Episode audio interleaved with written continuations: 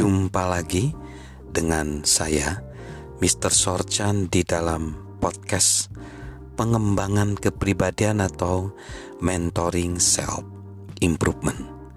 Konteks besar kita adalah setiap manusia berkomunikasi, tetapi sedikit yang terkoneksi. Kita belajar tentang membangun hubungan atau menjalin hubungan adalah tentang orang lain, bukan tentang saya. Kita belajar tiga pertanyaan yang diajukan orang lain kepada kita, dan saat ini kita masuk di pertanyaan ketiga yang diajukan orang lain kepada diri kita.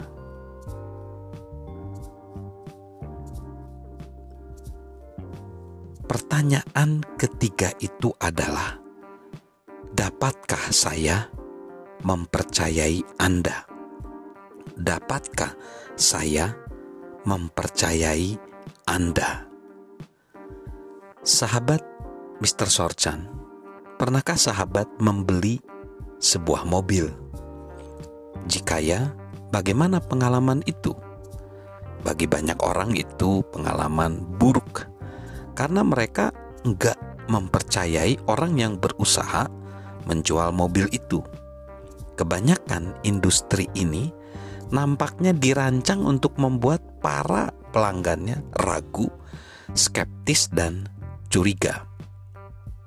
Padahal, kepercayaan itu penting bagi bisnis apa pun. Kenyataannya, itu juga penting bagi kehidupan itu sendiri seorang penulis dan juga pembicara bernama Jeffrey Gitomer mengatakan kepada John bahwa kepercayaan itu bahkan lebih penting daripada kasih.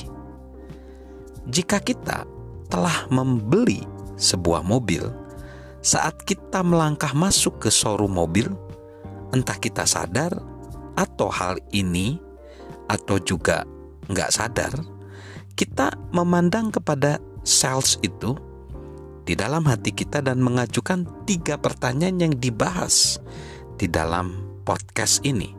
Satu, apakah Anda peduli kepada saya? Dua, dapatkah Anda menolong saya? Tiga, dapatkah Anda dipercaya? Mungkin saja selama pengalaman pembelian mobil yang buruk, kita tidak dapat menjawab "ya" untuk ketiga pertanyaan itu. Kita mungkin selama ini tidak dapat menjawab "ya" untuk satu dari ketiga pertanyaan itu. Sebagai akibatnya, kita tidak menjalin hubungan dengan orang yang bersangkutan. Secara alami, itu bukanlah pengalaman setiap orang. Kenyataannya, ada seorang bernama Emran Bojawala.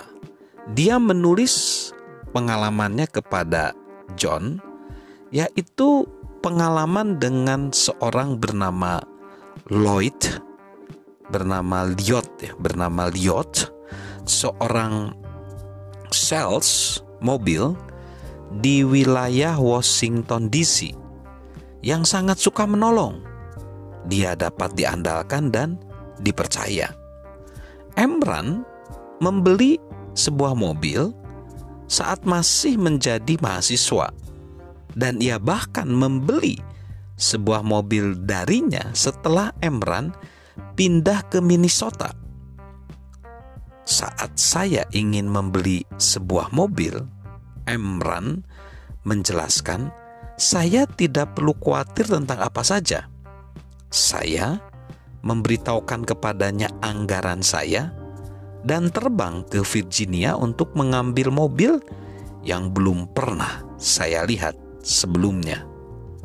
Emran kemudian menyetir selama 23 jam untuk tiba kembali ke rumahnya.